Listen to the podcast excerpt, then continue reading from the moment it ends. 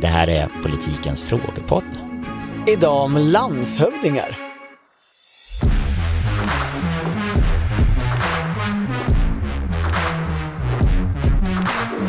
Men det var, ja, men- ja, du hade en fråga till mig, ursäkta, nu tappade jag bort den.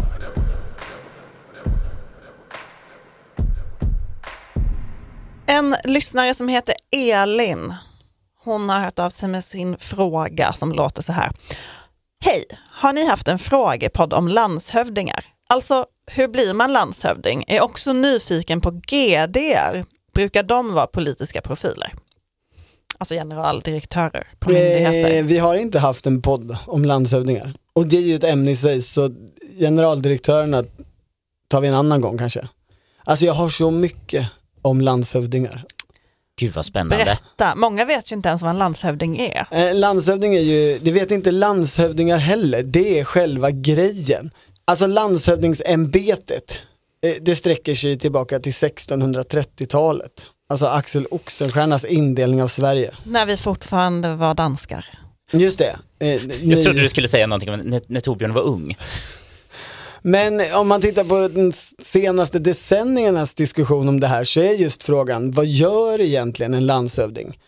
Eh, och landshövdingarna själva vill då säga, vi är statens förlängda arm ut i eh, landet och vi är också de som ska fånga in vad vår landsända tycker om någonting och säga det till staten. Jag vet, och den där dubbelheten, alltså ursäkta om jag uppehåller mig vid den här tråkiga formalia grejen, men är inte det, det är liksom inte svenska modellen. Är inte det väldigt konstigt att de ska företräda både staten och folket? Är det är oerhört Medan konstigt. de får pengarna från staten fast det är väl från skattebetalarna. Alltså jag tror att där, den där argumentationen har vuxit fram över tid och lite för att bevisa att man har ett liksom, existensberättigande. För egentligen historiskt så är man ju absolut statens förlängda arm. Man ska driva igenom den repressi- repressiva politiken från staten. Eh, se till att det som staten bestämmer faktiskt blir av. Det är ingen jävel som ska få liksom gå på sin lilla kammare och inte omfattas av statens makt. Man ska inte komma undan armen som, som vill ta en. Men det här är ju ändå en bild som säger någonting mer om politisk potens, för vanligtvis brukar det ofta ses bara som lullull, en politisk reträttpost. Ja, mm, det ju, finns ju också en statsvetenskaplig debatt som har pågått i ett par decennier om att det här är eh, ett ämbete eller en position som man bara borde avskaffa. Alltså länsstyrelserna har egentligen en annan operativ chef som kan hantera en hel länsstyrelse utan att det finns någon landshövding.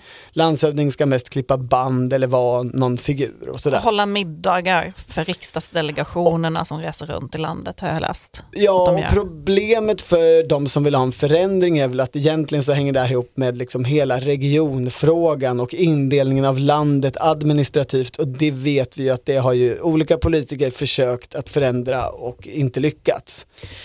Så alltså rullar det bara på. Okej, men ett, ett annat sidospår som just slog mig. Eh, det, när man är, eh, som man säger i Stockholm, ute i landet, Eh, Ja, när man, Utanför tullarna. när man träffar eh, vanliga människor i landet Sverige, alltså, kanske framförallt på landsbygden, då är, finns det ju en, mycket starka känslor inför Länsstyrelsen. Alltså man är ju ofta, man är, på vissa håll i Sverige är man ju argare på Länsstyrelsen än vad man är på Stockholm. Alltså, ja det är ju för att man ju bara ser den här statliga förlängda armen, alltså länsstyrelsen är egentligen Stockholm jo men man är inte och man är arg på län, representation. Man är arg på Länsstyrelsen för att Länsstyrelsen begränsar en på olika sätt, bestämmer, säger du får inte hugga ner det här trädet. och du får inte- Strandskydd ja. Du får inte fiska den ålen. Nej, det är en annan eh, myndighet. Min, min, det är den där vattenmyndigheten. Men min, eh, min poäng var, man, man, man känner ju av väldigt mycket ilska mot Länsstyrelsen, men sällan mot landshövdingar. Det Alltså jag har aldrig sett någon liksom hata på vem är det nu i Östergötland? Allt detta kommer från, all min erfarenhet av detta kommer från Östergötland. Vem det är är? Carl Fredrik Graf, Aldrig moderat. hört, aldrig hört någon prata om honom, däremot om olika tjänstemän på Länsstyrelsen, hört mycket mycket prat om det. Men det är väl lite för att de är liksom kungen, lilla kungen. Det är en opolitisk konstitutionell symbol som återigen står och klipper band, ser tjusig ut, kanske inte har fullt glamouren utav ett hov med tusenåriga traditioner bakom sig, men, men ändå en, en liten, liksom någon som känns lite så här, ja nu blev det lite fint, det här var lite roligt. Frågan om hur man blir landshövding i alla fall är ju aktuell nu. För regeringen har ju utsett två stycken nya landshövdingar. Anna Kinberg Batra att bli landshövding i Stockholm. Ni ska ju flytta in här på Tessinska palatset mm. och det är ju ganska så här royal här inne. Skulle du säga att det är din smak på inredning? Det är jättetjusigt här. Jag är ju lite konservativ så jag tycker mycket det här är väldigt fint. Och sen får vi väl se vad vi ska göra i den privata våningen. Och eh, Lena Bo... Lena Rå. Man börjar med Rå. Mm, Man får jag säga att det där är bo. jättesvårt och jag gjorde bort mig och ni kommer snart se det i tv. För jag var med i ett tramsigt lekprogram där man skulle säga så här kända personer som har en Wikipedia-sida som har två an i efternamnet. Och jag kommer inte ihåg liksom alla Argards och alla David Bas och alla utan jag bara så här Lill Bastard, Lena Bastard och de bara så här hon har ett mellannamn. Och det är lätt att glömma bort det, men nu har hon en ny roll. Jag ska testa att ta det här ja. Lena Rådström Båstad som eh, blir landshövding i sitt hemmalän, Örebro. Något oväntat om dig, vad skulle det kunna vara? Jag har två ganska udda meriter på mitt eh, CV. Det ena är fiskrensare på Island, det andra som äppelplockare på Nya Zeeland. När man pratar lite med politiker så är ju det här är ju verkligen en, en process som inte är särskilt öppen. Alltså nu för tiden så har man ju ordnade processer i regeringskansliet, som det heter, för alla eh, myndighetschefer, hur man utser myndighetschefer. En GD process. söker sitt jobb. Eh, exakt. Landshövdingar är undantagna från den processen. Politiker brukar beskriva det ungefär så här. Jo men vi har ju en kvot som ska vara politiker. Politiska landshövdingar. Och sen har vi en kvot som ska vara icke-politiska. Och de icke-politiska, de utser regeringen själv. Antingen det statsråd som har fått ansvar, det är ju Erik Slottner nu, eller liksom statsministern i praktiken, eller ännu mer i praktiken, statsministerns statssekreterare. Alltså idag är det ju Johan Stewart som har den rollen. Och de här politiska, de utser regeringen fast efter samtal med andra partier, för det finns en inofficiell fördelningsnyckel.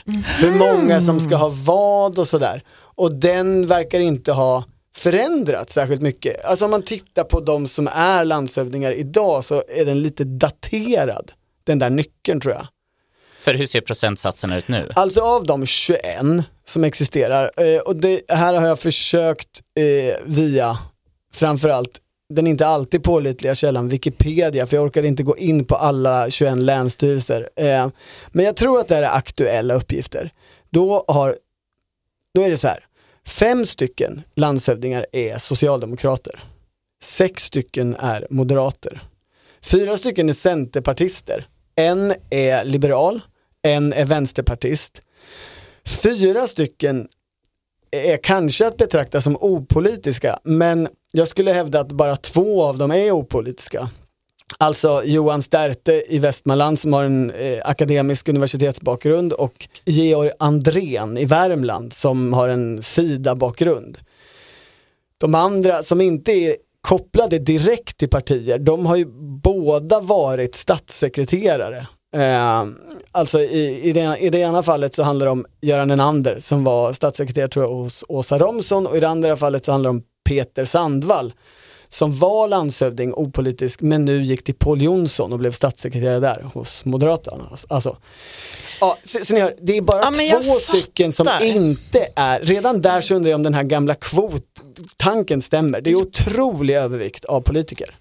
För, eh, förlåt, jag försöker komma in så himla länge. Att jag var, när jag prata. väl fick var jag inte beredd. Men jag skulle säga att när Anna Kinberg Batra utnämndes, det, det var ju före Lena Rådström Båstad. Och då tänkte jag så här, oh nu, eh, det, det finns ju en kritik mot eh, den djupa sossestaten som har varit väldigt aktuell nu. Det har spridits mycket sådana filmer på YouTube och annat eh, som handlar om politiska utnämningar. Och i Tidöavtalet så har man ju en särskild passage om det, att utnämningar ska baseras på kompetens och inte på partibakgrund. Ehm, och när de då tillsatte Anna Kinberg Batra så var det så här, och nu blir de nöjda, de här so djupa sossestaten-människorna. Men sen För att hon är så sen- uppenbart inkompetent. för att hon absolut inte är sosse. Eh, sen två dagar senare kom det då en. Precis.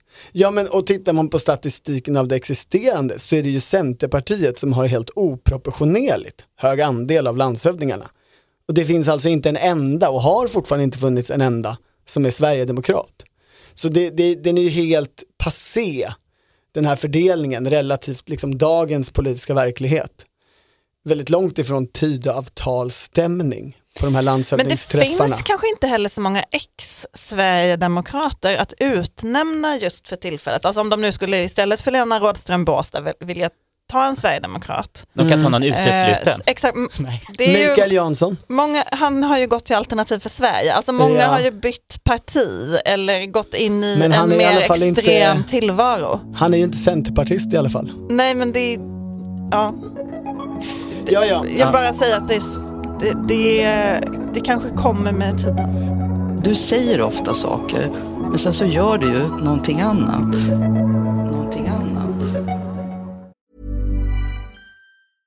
Ryan Reynolds here from Mint Mobile. With the price of just about everything going up during inflation, we thought we'd bring our prices down. So to help us, we brought in a reverse auctioneer, which is apparently a thing. Mint Mobile unlimited premium wireless. Ready to get 30, 30, bit to get 30, bit to get 20, 20, 20, bit to get 20, 20, bit to get 15, 15, 15, 15 just 15 bucks a month. So, Give it a try at mintmobile.com slash switch. $45 upfront for three months plus taxes and fees. Promo rate for new customers for limited time. Unlimited more than 40 gigabytes per month. Slows. Full terms at mintmobile.com. Sen är det ju också roligt vilka som faktiskt blir eh, landshövdingar. Alltså tittar man på den här listan så är det ju så många människor från de som var alldeles nyss störst i politiken. Alltså Anders Flanking, han är landshövding på Gotland. Minns ni, Alldeles nyss minns störst i ni politiken. epoken när han var partisekreterare i Centerpartiet? Eh, Nej. nej. för att jag gick i mellanstadiet då. tid. Maria Arnholm minns ni i alla fall. Ja, Det var ju nyss. Ja, hon, hon är landshövding i Kronoberg nu för tiden. Beatrice Ask, kommer ni ihåg? Hon är i Sörmland. Anneli Hultén, alltså eh, Göteborgssossen, Ja. som man inte märkte när hon slutade, i alla fall inte jag. Men hon är landshövding i Skåne. Trodde du någonsin att du skulle bli landshövding och för Skåne dessutom? Eh, nej, det trodde jag inte. Däremot blev jag väldigt glad. Jag måste säga uppriktigt jätteglad när jag fick frågan om just Skåne. För är det något landskap och län som jag har haft en sån här obesvarad kärlek till så är det faktiskt Skåne. Känns det imperialistiskt, Maggie? Att en icke-skåning Eh, nej, men det är väl ofta så av tradition att man inte är i sitt hem. Alltså, eh, på så sätt är både Kinberg Batra och Rådström Båstad lite unika. Ja, så är det. det. Det är ju många som har en tydlig geografisk förankring men som placeras någon annanstans. Berit Högman, Värmlandssossen, alltså så mycket Karlstad som någon människa kan vara. Hon är ju eh, någonstans uppe i Västernorrland tror jag. Måste kolla på min lapp för att vara helt säker. Jo då, jag hade rätt. Västernorrland. Men det här då, eh, skulle vi våga redan slå fast nu en ny trend med Little Bastard och AKB, att det här nu, nu börjar man titta lite på hur ska det funka medialt? För när Anna Kinberg Batra utnämndes, jag menar hon har ju varit eh, liksom så folkkär som hon har varit sedan hon slutade vara partiledare eh, tänker jag är, är spännande. Hon, hon och eh, den, den karismatiska eh, komedimaken har väl gjort så mycket tv-program och mysiga saker som henne kan man ju verkligen se som en sorts liksom kunglighet. Men man kan förstå att hon har många olika glansiga kläder som hon kan dyka upp på olika ställen och klippa fina Hon band. kan vara minidrottning, som Hon- man ju är lite som Ja, landshövding. och Mm. är väldigt knuten Man får också till bo Stockholm. i ett palats typ. Så att återigen, det är ett, ett tjusigt jobb. Sen är det ju just med den här representationen om man får verka där man kommer ifrån. Stockholm tror jag historiskt nog måste ses lite som undantag från det. För det är många Stockholmsprofiler som har varit landshövdingar i Stockholm. Eh, Cornelis Vreeswijk? Eh, Nej. jag tror aldrig han kvalade in för det. Men det hade ju varit roligt. Och det finns, det är faktiskt en del av den här processen med de opolitiska namnen. Man, man pratar, till exempel i förra regeringen så hör man röster som är ungefär så här. Okej, ja det är ganska hög andel politiker nu bland landshövdingarna. Men det är inte så lätt att hitta icke-politiker som fungerar. Det där är ju ett uttalande där man tänker, eh, ja politiker pratar om andra politiker och att vi är duktiga och vi kan saker. Men de menar då att till exempel så har man gjort försök att hitta människor i liksom näringslivskretsar men de är inte vana vid förvaltningssystem och därför så, så funkar det sällan. Eh, och, och, det skulle ju vara ett annat sätt att gå vidare. Alltså, Kulturpersonligheter. Exakt. Kanske en gammal inte, GD. kanske inte dagens motsvarighet till Cornelis Vreeswijk skulle funka, men ändå kulturpersonligheter. Jaha, okej. Jag var nog helt annanstans. Jag Ja. tänkte mer säga Dan Eliasson-typerna. Ja, just Dan Eliasson kanske några skulle invända Skulle mot. komma med sin stora positiva publicitet och alltid få folk att vilja fråga Men vi om. förstår vad du menar. Ja. När Lena Rådström Båstad utnämndes så framhölls just hennes partisekreterarerfarenhet som en bra, det, det, det, ungef- ja, det, det var det man behövde för Ja. att bli landshövding. Och jag tror ärligt talat att det där med motiveringen av de politiska landshövdingarna, det är ju mest blahavel. Alltså för som man förstår systemet så går det egentligen ut på att, ja antingen så har nu den borgerliga regeringen tänkt på att vi har en kvot här, det måste vara en, en sosse och en moderat och vi bestämmer vilken av dem det är. Det verkar okej att göra så enligt det här systemet. Eller så har de sagt okej vi ska utse en moderat, den bestämmer vi och så ska vi utse en sosse. Då ber vi någon gå över till sossarna och fråga vem har ni på topp på eran lista över landshövdingar? Och då säger de ja, Lena måste ju ha något att göra nu. Lena, Peter Hultqvist säger de. Säger de Peter Hultqvist. det säger de kanske nästa gång. Eh, men det finns ju också rätt många exempel där landshövdingskarriärer har gått snett och där det då oftast också har varit faktiskt politiker. Till exempel, det här hade jag hunnit glömma bort, 2017 så utsågs ju Thomas Bodström till landshövding i. Stockholm. Men det var i typ september, stort påslag. Det var ju, han hade ju ungefär samma aura då kanske som Anna Kinberg Batra. Stockholmare som hade någon slags ändå folklighet i sig. Vad gjorde mycket media. Han skulle tillträda i november. Mm. Han höll redan på att göra om för att få plats med typ ett bas. Det var någon sån liksom inredningshistoria. Som... Men i oktober så var regeringen tvungen att fatta ett nytt beslut om att inte utse honom. För under tiden så hade han dragits in i hela den här Allra-skandalen och var mm, indragen i någon utredning om misstänkt penningatvätt och grejer. Jag vet inte hur det där slutade. Det slutade i alla fall med att han inte kunde bli landshövding. Vilken är vänsterpartisten som är landshövding? Det är Brittis Bensler, en Eh. person som jag aldrig hört talas om tidigare. Inte jag heller. Men, nej men för att jag tänker att, ap- apropå det här med SD, ehm, a- alltså SDs frånvaro här. Ja, Mm. men det, jag minns när Miljöpartiet liksom fick sina första landshövdingar. Ja. Båda två fick dock avgå. Av, alltså det slog mig när du sa det här med skandaler, att Ja. båda fick avgå efter liksom, kritik och skandaler. Men ehm, det sågs ju som väldigt stort för det här partiet som var ett liksom, aktivistiskt extremparti och nu skulle normaliseras och bli ett vanligt parti. Då var just det här att få bli landshövding var en del i det. Det var ett kvitto på att man hade blivit normal. Och lite så måste det ju vara för vänsterpartisten också tänker jag. Ja, jag tror inte det här är första vänsterpartisten. Eh, men Och så skulle det ju vara även för Sverigedemokraterna förstås. ja, så skulle det absolut När. Björn Söder står där Men ska man ha det här Blekinge. miljöpartiexemplet så är det ju då, räcker det ju då med att någon, någon sverigedemokrat skulle utses till landshövding. Det behöver inte gå så bra sen. För både Marianne Samuelsson på Gotland och Håkan Wåhlstedt, vad var han? Var han i Västerås? Hemma. Västmanland. Västmanland. Det, det, de fick ju avgå båda två i förtid, av helt olika skäl. Samuelsson skulle ju kunna ha pushat för att säga, vi är ett väldigt företagarvänligt parti som mycket väl kan ta in intressen från det lokala eh, över det strikt Strandskydd. strandskydd till Hon exempel. hade ju godkänt eller drivit på för ett, ett, ett bygge där den egna länsstyrelsen inte vill ge bygglov eh, av naturhänsyn. Eller hur? Men jag undrar utifrån det du säger, har du någonsin hört talas om en lyckad landshövding? Alltså man vet ju en del skandaler kring landshövdingar, landshövdingar som har fått avgå. Men eh, alltså, vad är en lyckad landshövding? Aldrig, aldrig sett en sån. Mats Svegfors ansågs väl vara en lyckad landshövding i Västmanland som vi pratade om. Eh, uppe i Norrbotten så pratar man ju fortfarande, tror jag, om Lassinantti-epoken.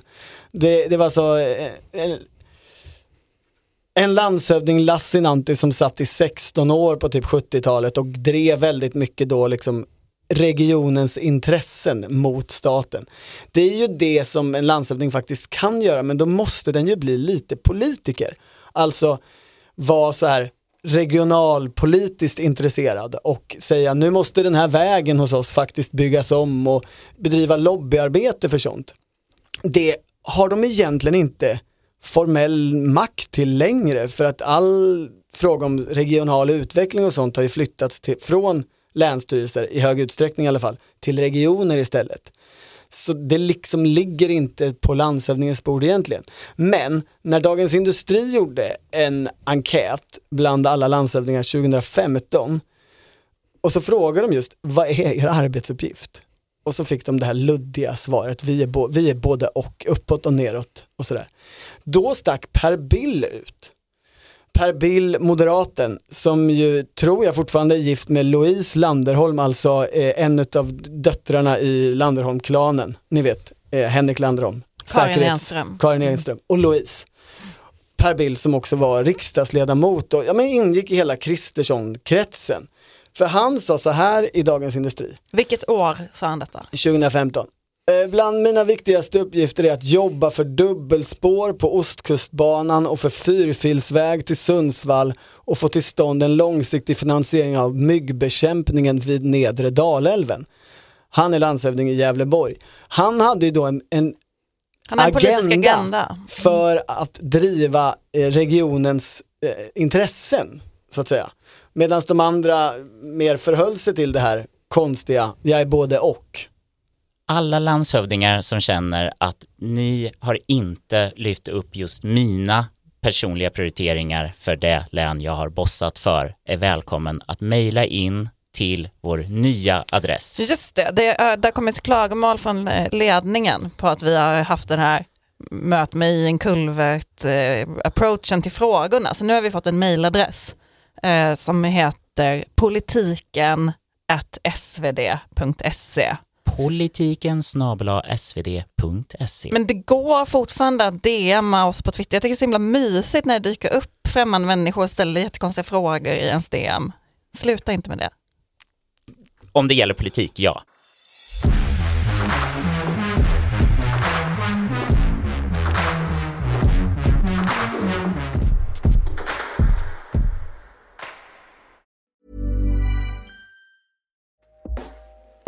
Hey everyone, I've been on the go recently Phoenix, Kansas City, Chicago.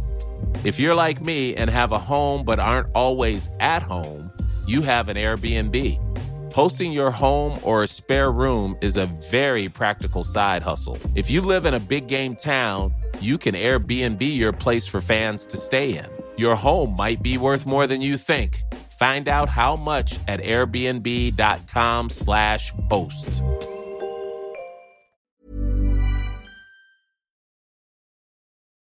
Du har lyssnat på Politiken, en podd från Svenska Dagbladet. Producent Mattias Dellert och ansvarig utgivare Anna Karleborg.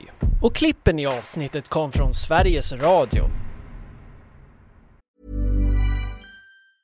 Hi, my name is Danny Pellegrino from Everything Iconic, and I'm excited to talk to you about Club Med.